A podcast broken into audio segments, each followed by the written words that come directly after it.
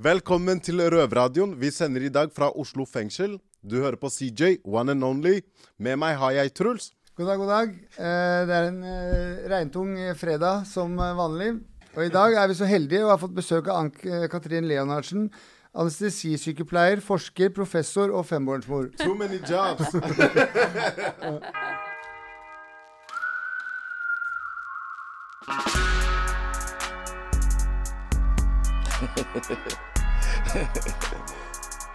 Ok.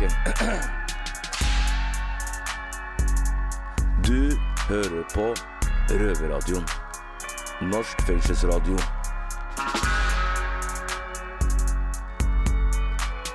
Bli med inn. I dag starter vi i Oslo fengsel.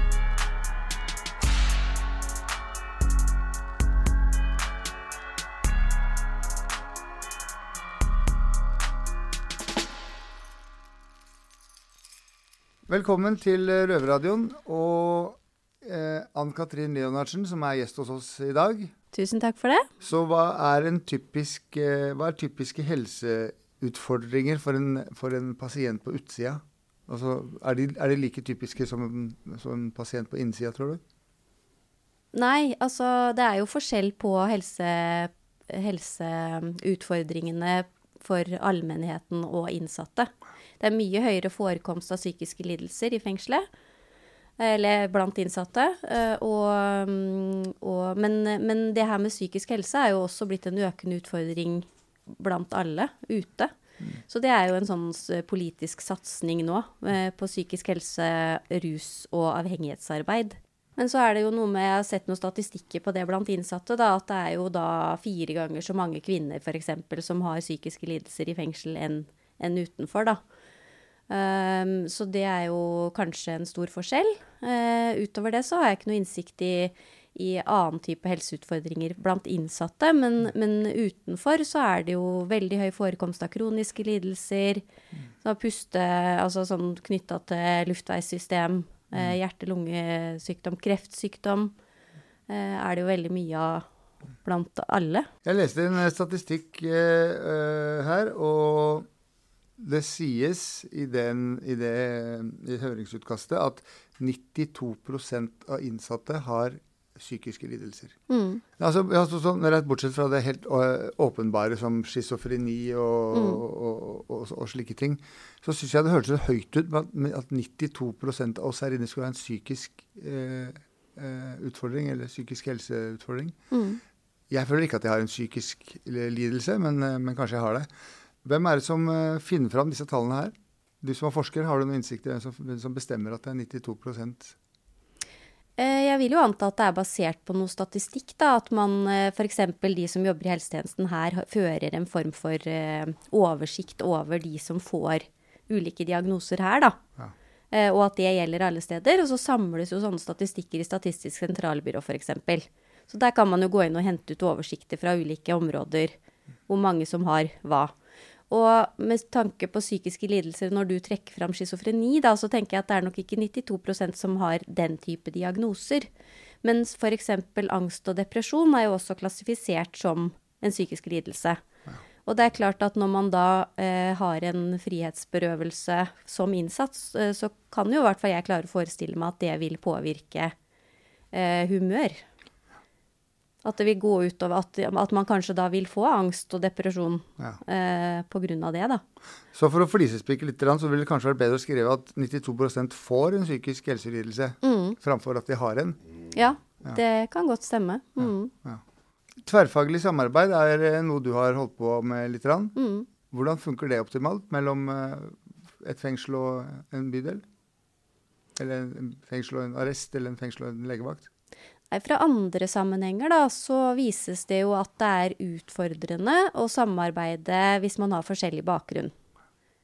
Eh, Sånn at hvis du ser for deg sånn forenkla, da, at det er leger og sykepleiere som jobber i helsetjenesten, og så er det politibetjenter eller hva det nå enn er som jobber i kriminalomsorgen, så har de jo vidt forskjellig utdanning, vidt forskjellig erfaringsbakgrunn, eh, vidt forskjellige sånn faglige perspektiver. Og det gjør, kan gjøre samarbeid veldig utfordrende. Sånn at det jeg har sett i andre sammenhenger, da, det er jo at hvis man har en forståelse for OK, du gjør det, dette er din jobb. Eh, du er opptatt av sånn fordi det er viktig for deg. Eh, hvis jeg har den forståelsen, så blir jo samarbeidet bedre. Og alle studier jeg har gjort, tror jeg, altså flesteparten i hvert fall, det viser jo at kommunikasjon eh, er jo sånn kjernen til alt. ikke sant? Bare man klarer å prate sammen og skape den dialogen, da, så, så løser man de utfordringene. Mm. Jeg lurer på hvordan er det å være professor og drive og Hva heter det sånn eh, Hva heter det? Eh, hvordan er det å være en forsker? Hvordan er det å være en forsker? Det er veldig spennende. Det er spennende. Ja, når jeg blir nysgjerrig på noe, så kan jeg bare lage en studie. Mm. Og så gjør jeg den studien, og så får jeg svar på det jeg er nysgjerrig på. Og du får betalt for det. Og jeg får betalt for det i tillegg. For dine egne hypoteser. Perfekt, ja. Shit, absolutt. kanskje jeg skulle blitt forsker selv. Ja, ja, ja. Får du bedre betalt hvis uh, hypotesen er sterk Nei. enn om man skulle være svak? Nei, Samme betaling. samme betaling. Shit. Det er forsker du skal bli, CJ. Kanskje, walla. det hadde passa meg. Har du noen gang vurdert å forske på helsetjenesten i fengselet? Eh, Ikke før jeg fikk denne forespørselen. Oh. Men bare gjennom de samtalene vi hadde nå før sending, da, Mm. så kjenner jeg jo at det er en del ting jeg blir veldig nysgjerrig på. Eh, men så har jeg, har en kollega som heter Gudrun Bråttveit, som har egentlig bakgrunn fra barnevernstjenesten. Eh, men som har gjort studier i fengsel, da. Så det er jo noe med å ikke liksom blande meg for mye inn i hva alle andre holder på med, prøve å være litt sånn rendyrka med det jeg driver med. Men det som jeg ser i de fleste sammenhenger, det, eller det jeg tenker da, det er jo at samfunnet er jo en helhet. Eh, og både innsatte og utsatte, holdt jeg på å si. altså, vi er jo alle deler av det samme samfunnet. Og, og mm, hvis ikke ting funker inn eh, Det vil jo få konsekvenser, tenker jeg, da, hvis man da får et dårlig helsetjenestetilbud når man sitter inne, og så skal man ut.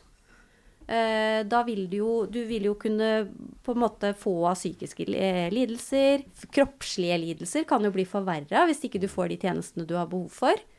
Eh, og i tillegg så vil det jo kunne være sånn at når du da kommer ut og har et negati en negativ erfaring fra helsetjenesten da, pga. ting du har opplevd inne, eh, så vil du jo kanskje ta med deg den angsten og mistilliten ut, da. Så når du er ute, så stoler du kanskje ikke på at du faktisk nå skal få det du har behov for, eller at du, at du har tillit til den behandleren du møter ute, da. Så jeg tenker jo at vi må jo se på alle ledd av helsetjenestene som en helhet.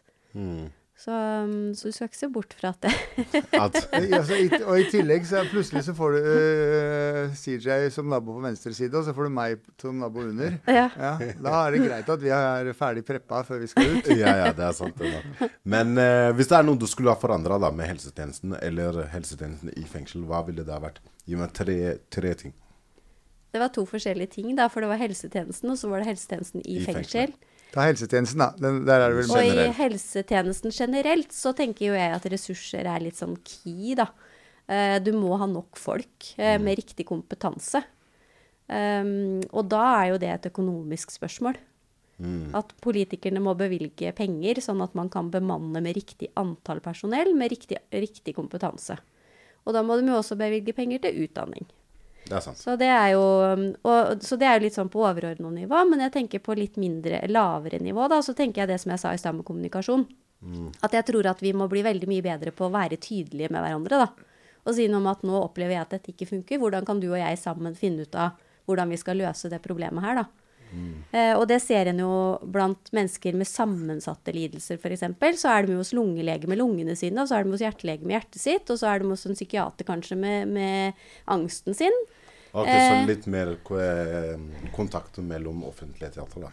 Ja, altså, ja, ikke sant? At en skal se mer på mennesket som en helhet, da, for det er vi jo faktisk. Du kan ikke behandle bare den ene delen. Det funker jo ikke. Så du, forstår jeg det riktig da når du sier at det tverrfaglige samarbeidet, det, det funker veldig dårlig i, i Helse-Norge? Det funker jo noen steder, heldigvis. Men det vi ser, er jo at der hvor feilene forekommer, da, det er jo der hvor da samarbeidet ikke funker. Så noen steder får de det jo til, og der har man jo også prøvd politisk å opprette sånne primærhelseteam og sånn. Eh, helsefellesskap, og de, det prøves jo. Eh, men så er det litt også hva ja, Hvis det da er et politisk initiativ der hvor helsepersonell ikke egentlig har vært med på planlegging av det, så, så kan jo det bli en utfordring òg. Eh, og så har du anestesisykepleier. Mm. Amnesti? Anest, anestesi. Anesti. Anestesi. Anestesi. Ja. Ok, Hva er det anestesi egentlig er? Anestesi betyr egentlig uten følelse. Uten følelsessyke? Ja. Ok. Sånn at det man, det man gjør, Så du er sånn som jo pirker på deg uten å Ja, bare pass deg.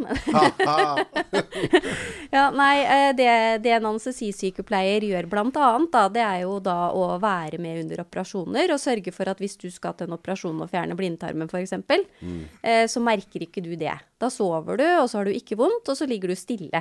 Som bedøvelse? Du får bedøvelse. Ja. Okay. Eller narkose, da, som mange sier. Ja, kaller det. Men har, da, da, kan vi, da må vi snakke om noe som interesserer meg litt. For jeg leser ofte at uh, det er sånn pandemier, eller epidemier kan du kalle det. uh, narkotika kommer. Jeg leser jo om uh, ungdommer som, som bruker fentanyl, f.eks. Mm. Og, og så sammenligner dette her med Det er mye sterkere enn heroin og svakere enn heroin. Og, men går det egentlig an å sammenligne fentanyl og heroin? Nå har jo ikke jeg veldig kjennskap til heroin, men fentanyl er jo et veldig, veldig sterkt opioid, da. Ja. Eh, sånn at faren ved det er jo at hvis du tar for mye av det, så slutter du å puste. Ja. Og det er jo ikke helt heldig. Eh, det er veldig lite kontrollerbart, da. Altså, det er jo øh, Ja, så For, for under, under en operasjon så er det sånn du får noe sånn 50 milligram propofol og 50 mikrogram fentanyl omtrent. Ja. Ja. Mm, 50 for eksempel. For eksempel, ja. Du ja. burde nok hatt kanskje 200 milligram propofol, men, men greit, jeg okay, skjønner. greit. Men, men, men bare for å lage et, eh, Ja, eh, et bilde av, av mengden her. Ja. Og så kommer da CJ på fest, har bestilt noen varer på internett. Kommer med en femgramspose med fentanyl. Eh, hvor mange dør da på den festen til CJ, f.eks.? Jeg bruker ikke det, men Nei, jeg bare eh, tuller, bare- Ja, ja, ja. Det er sånn eksempel. Et eksempel for Ja, hvis jeg er på fest, da. Ja, hvis du er på fest, da hvor mye tar du med deg for å dekke hele festen? For det er dødelig, dette. La oss si det er 20 stykker på den festen. Hvor, eh, hvor mye trenger man for at alle de 20 skal kose seg? Og ikke dø? Men det er jo det som er med opioider, ikke sant. At Man- man hvis aldri. du er vant til å ta noe, så tåler du jo mye mer. Ja, men eh, Så det er jo det vi ser under operasjon nå. Hvis det kommer inn en i LAR-behandling f.eks., eller noen som bruker opioider regelmessig, da, så trenger jo de fryktelig mye mer enn jeg, f.eks., som aldri har fått noe som helst. Men er dere ikke litt bekymra for at eh, dere kan plutselig gi han litt for mye? I og med at eh, han eh, bruker fra før, ikke sant? Så har jo han da høy toleranse. Hvor går grensa mellom hva han burde få, og hvor mye han trenger? I anestesisammenheng så er ikke det noe problem, fordi at det vi gir, vet vi at får pasienten til å slutte å puste, og så håndterer vi det. Det er meninga at du skal slutte å puste. OK. Sånn at om vi gir for mye da, det som er risikoen da, er jo hvis man får eh, blodtrykksfall f.eks. At det påvirker eh, liksom hjerte-kar, da. Men, mm. men pusten er ikke vi noe redd for, for det håndterer jo vi der. Men sånn som på sengepost, hvis du kommer inn i akuttmottaket, da, så er det jo også gjort studier på det, at der er man redd for å gi for mye, fordi at man er redd for at pasienten skal slutte å puste. Okay, okay. Ikke sant? Og i et akuttmottak så er det jo alltid altfor mange pasienter. Sånn at når sykepleieren da gir noe til én, så må de gå videre til neste, så er det jo faren at da den blir liggende alene, da. Og slutter å puste. Mm. Og da, da har vi jo hatt dødsfall, faktisk. På sykehus. Hvor mange sånn dødsfall, dødsfall har dere hatt sånn cirka? Nei, ikke vi, da, men i Norge I så er det jo Det er jo sånn som kommer i VG, selvfølgelig, og sånn. Okay. Ja, mm. Så det er jo ikke ofte det skjer, men Men det vi, det vi fram til, er det at det, sånn vanligvis hvis man bruker et eller annet eh, narkotisk stoff, da, som eh, kokain, da, så legger du opp en sånn en liner, da, som det heter. Mm. Det kan jo være opptil 0,2-0,3 gra, eh, gram. mm. Eh, og hvis du får i deg en, såpa, en sånn mengde med fentanyl, så er det jo Da begynner det å brenne et blått lys. ja, ja. Hva, hva gjør man da? Nei, du har jo uh, motgift, altså Narkanti, sånn uh, antidot, da, som man kan gi. Eh, og det er jo en kollega jeg har eh, som heter Arne Skulberg. Han har jo gjort sitt doktorgradsprosjekt på det i Oslo med sånn nesespray. Narkanti nesespray. Eller Naloxon, da. som- Naloxon, ja, ja. mm. Eh, som, men det som er faren ved det, da, det er jo at virketida på Naloxon er mye kortere enn for opioidene. Så hvis du gir en dose, så kanskje de kikner til da, og begynner å puste, og så går du fra dem. Eh, og så slutter den å virke, og så, og så virker opioidene fremdeles. Så kan du få en ny respirasjonsstans, da. Eller at de slutter å puste igjen. Så til alle kidsa out der Mm. som bestiller fentanyl på nett, No! bestill Naloxon i tillegg. Du er verre enn det jeg trodde. Jeg skulle si til dere Say no to fentanyl. Ja, ja, Ja, det er det beste. Ikke Det ta er- imot det i det er hele tatt. tatt. Beste, ja. Eh, ja, det fins jo eh, statistikker fra fengselsvesenet eller kriminalomsorgen at eh, folk eh, tar sitt eget liv. Mm. det er vanskelig å vite hvorfor folk tar sitt eget liv, eh, som oftest. Men man kan jo trekke paralleller til eh, isolasjon og psykisk helse, i hvert fall. Mm. Eh, har du noen erfaring med isolasjon og, og psykisk helse? Altså hva slags påvirkning og sånt det gir. Eh, ikke annet enn det jeg har lest, holdt jeg på å si. Um, jeg vet jo at det er en sammenheng mellom psykisk helse og eh, fare for å begå selvmord. Eh, vet jo om flere konkrete tilfeller eh, i eh, en omgangskrets, ikke nær, men omgangskrets, hvor, hvor det har gitt utslag, da. Fordi, og det har jo da handla om at man ikke har fått den hjelpa man har trengt. Eh, og det er jo den store utfordringen i helsetjenesten i Norge overalt, både innafor og utafor murene sånn sett. Eh, det er jo at man har ikke ressurser til å ivareta alle de behova som er, da. Og det er jo kritisk når det da er snakk om psykisk helse, fordi at det da kan få den type dramatiske utfall, da. Det er jo på en måte ikke Du kan, du kan ikke få gjort det om. Men Alle, alt annet kan du jo gjøre noe med, på en måte, men dette kan du jo ikke få reversert, liksom. Eh, har du gjort noen forskning på hvorfor helsetilbudet nå begynner å bli så begrenset som det nå begynner å bli? Jeg har ikke gjort noe forskning på det, men jeg har jo hørt om dette siden jeg gikk på sykepleierskolen. Det er jo da 27 år siden eller noe sånt. Eh, Så hørte jeg om den eldrebølgen som skulle komme. Og den eldrebølgen er det jo fremdeles politikere som bruker et sånt begrep, da. Eldrebølgen. Men det er jo rett liksom. rundt hjørnet nå. Det er ikke noe eldrebølge, for det bare blir flere og flere eldre. fordi at vi blir jo behandla veldig mye mer, og vi lever lenger. Og Det er her har vi visst om i over 20 år, men det er jo det som er, som, som jeg ser det, da, den politiske utfordringen. Det er jo det at det er politikere som bestemmer hvordan eh, helsetjenesten skal organiseres. Eh, og så kommer det noen inn som får en eller annen kampsak eh, på en måte som de ønsker å få igjennom.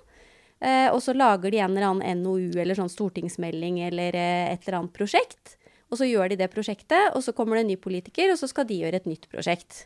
For jeg tenker at vi vet så mye om hvordan helsetjenesten fungerer, hva pasienten har behov for, eh, hva personalet mener, og så brukes det ikke, da. Da er det bare, kommer det bare noe nye, og så finner den på et nytt prosjekt, istedenfor å bruke det vi allerede kan noe om. Da kan jeg gi deg en liten solskinnshistorie fra Oslo fengsel, en av de veldig få. Eh, Vi har jo en teamleder for helse her, Inger. Eh, Hun har gjort akkurat det. Hun har oppretta et brukerråd. Mm. Det består av teamleder fra helse, lege, sykepleier og åtte innsatte. Eh, Og vi møtes hver måned og går gjennom de listene akkurat sånn som du beskriver det, og det funker kjempebra. Mm. Mm. Så til alle som uh, lytter og har muligheten til å skape et brukerråd, Mm. do it. Do it now.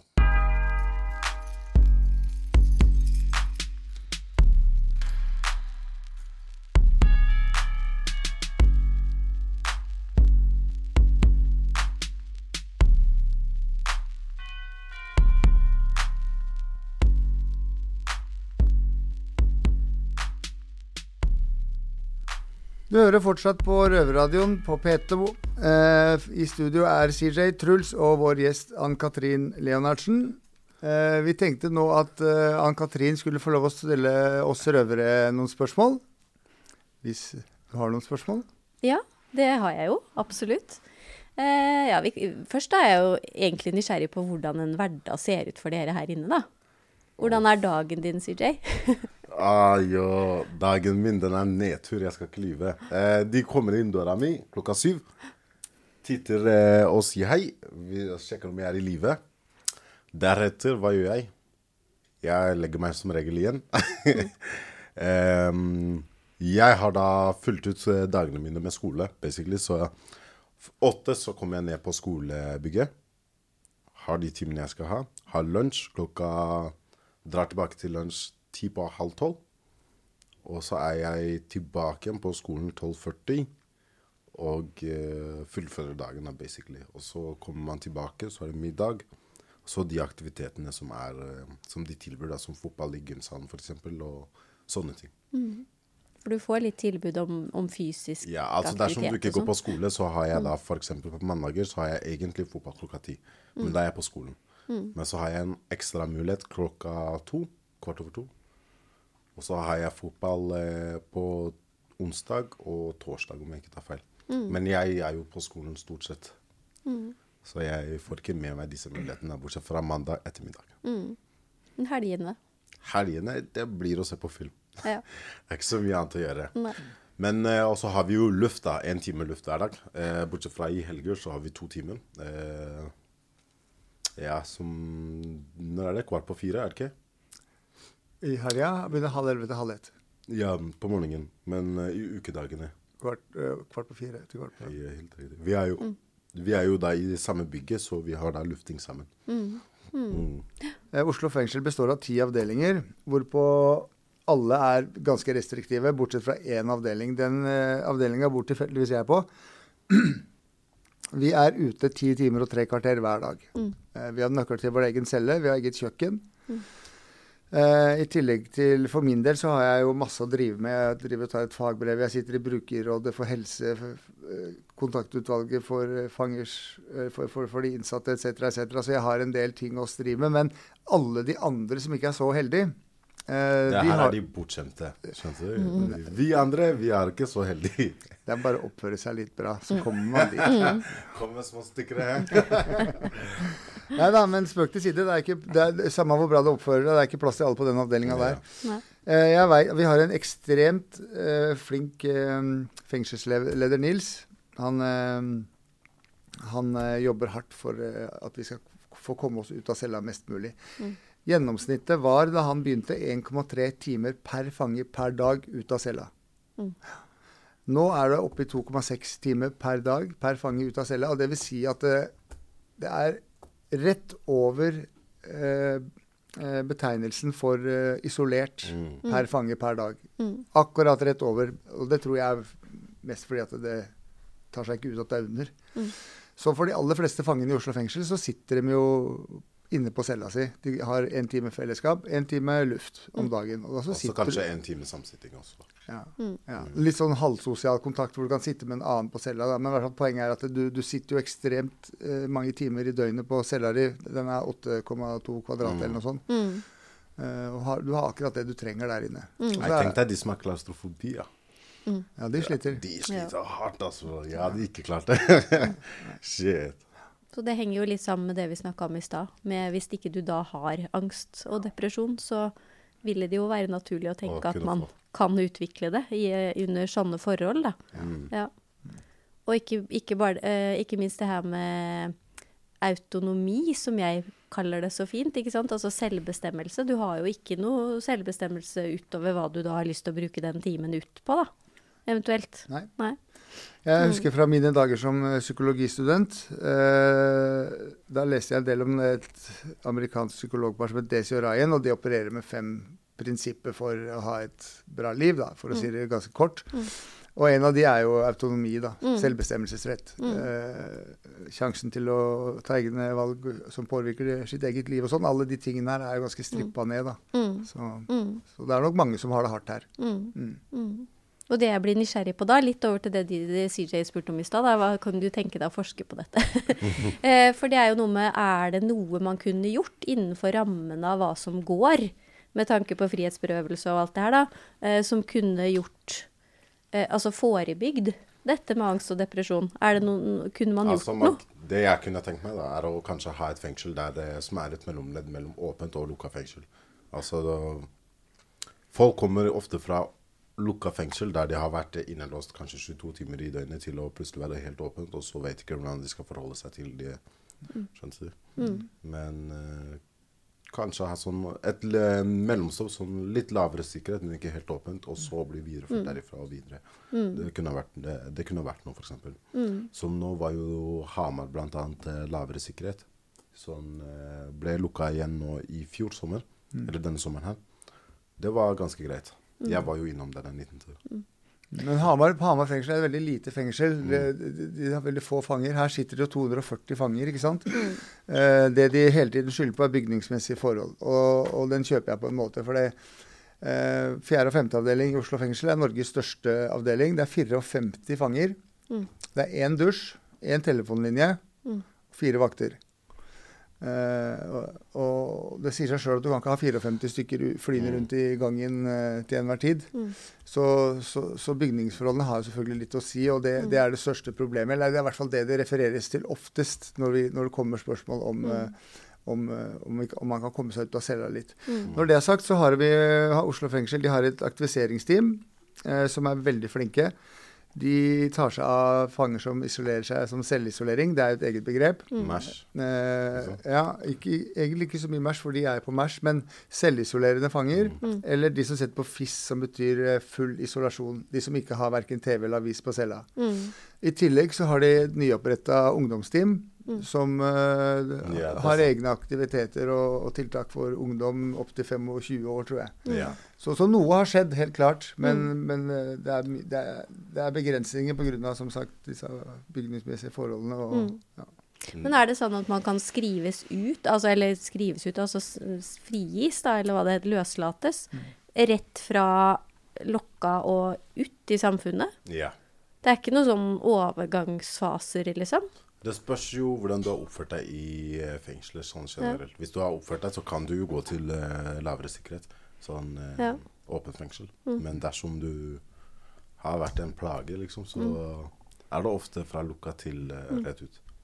Så kriminalomsorgens overordna intensjon, da, som er rehabilitering, den skal jo foregå i ledd, ikke sant. Mm. Du sitter først på høysikkerhet, som han, han, han sier lokka, dvs. Si et høysikkerhetsfengsel. Mm.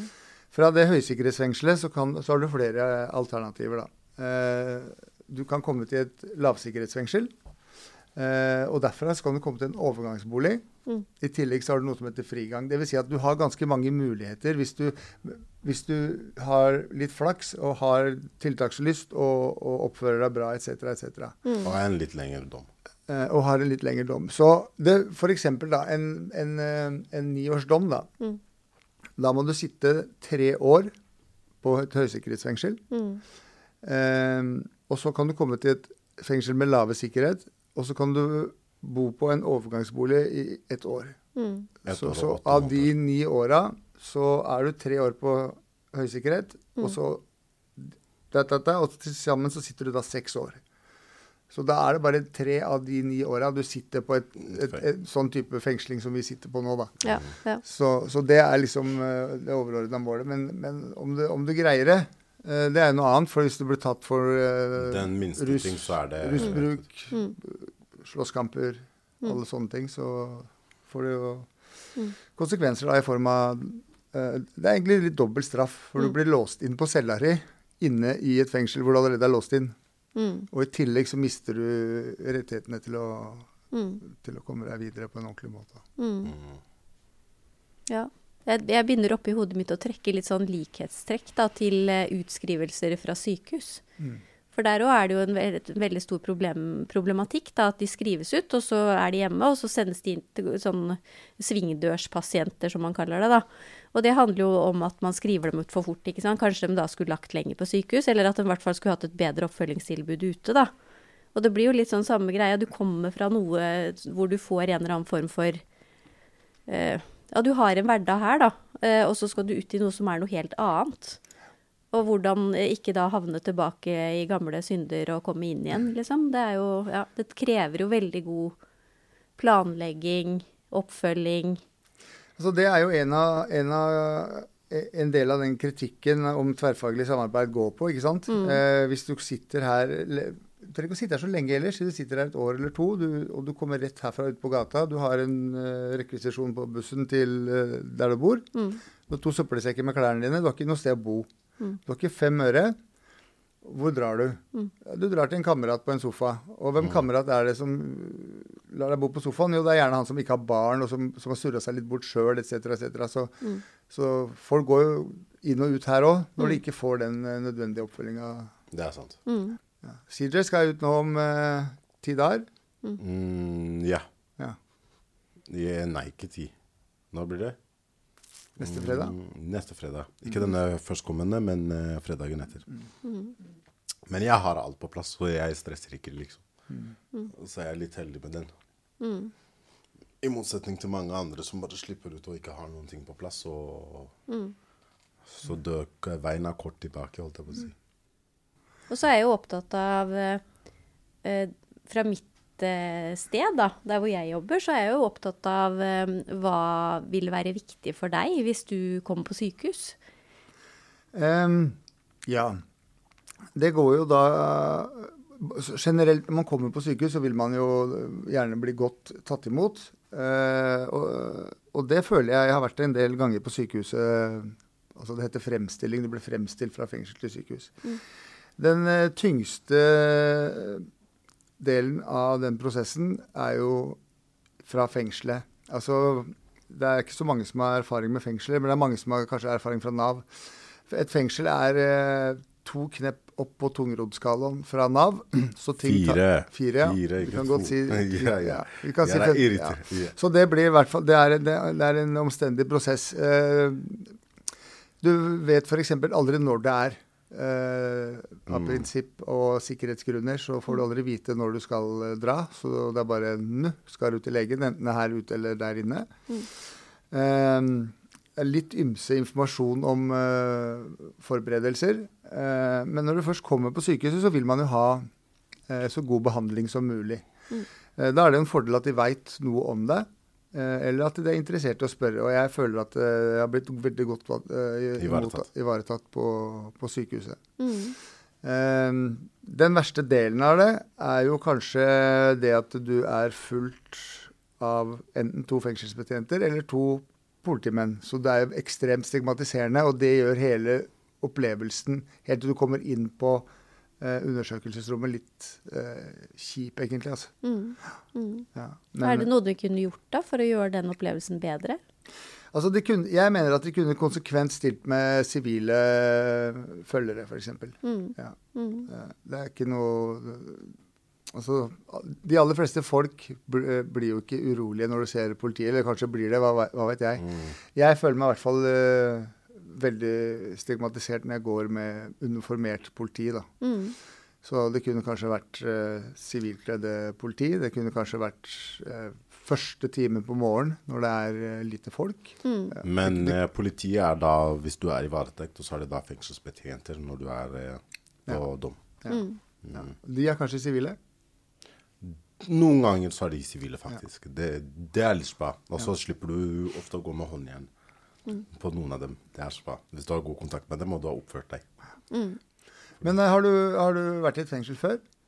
Jeg var, når jeg var sykepleierstudent, så var jeg i psykiatrisk hjemmesykepleie, som det het den gang. Og da hadde vi også Fredrikstad fengsel.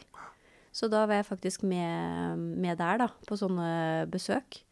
Gjorde veldig inntrykk på meg, for da husker jeg det var en Da fikk jo jeg bare hans historie, selvfølgelig, i det møtet, men eh, men han hadde vært på byen, eh, begynt å slåss, og så var det en flaske som lå knust der, og så hadde han jo holdt på å drepe han som han slåss med, eh, havna i fengsel.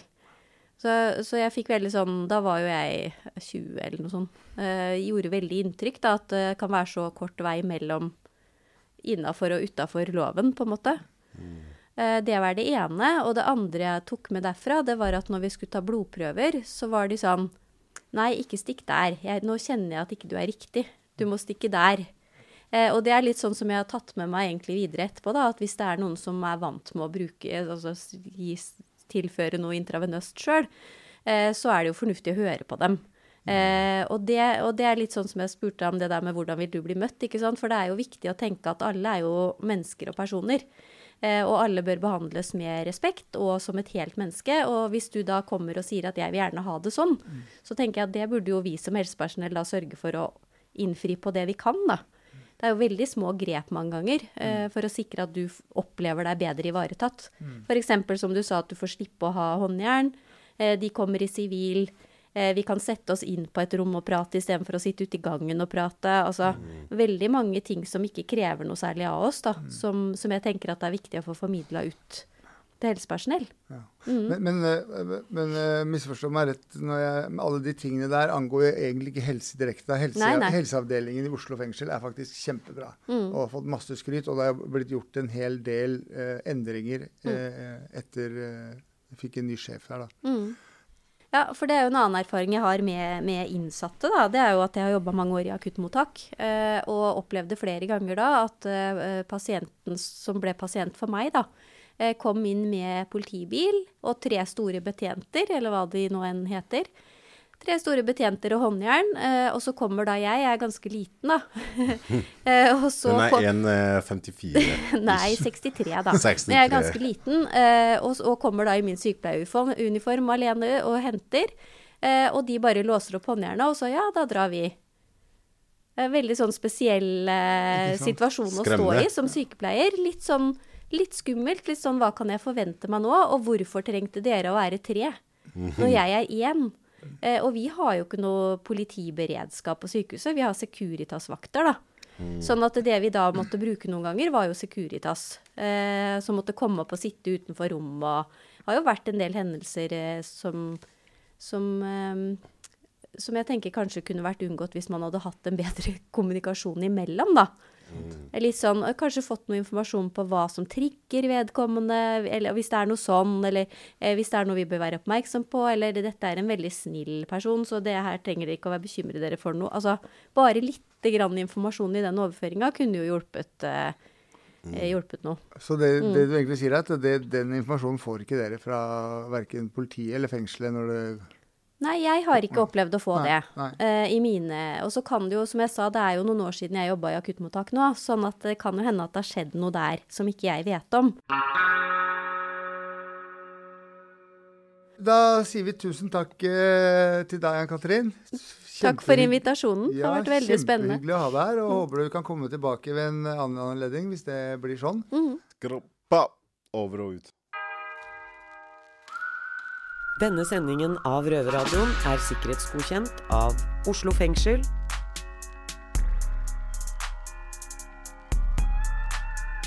Musikken er laget av Trond Kallevåg.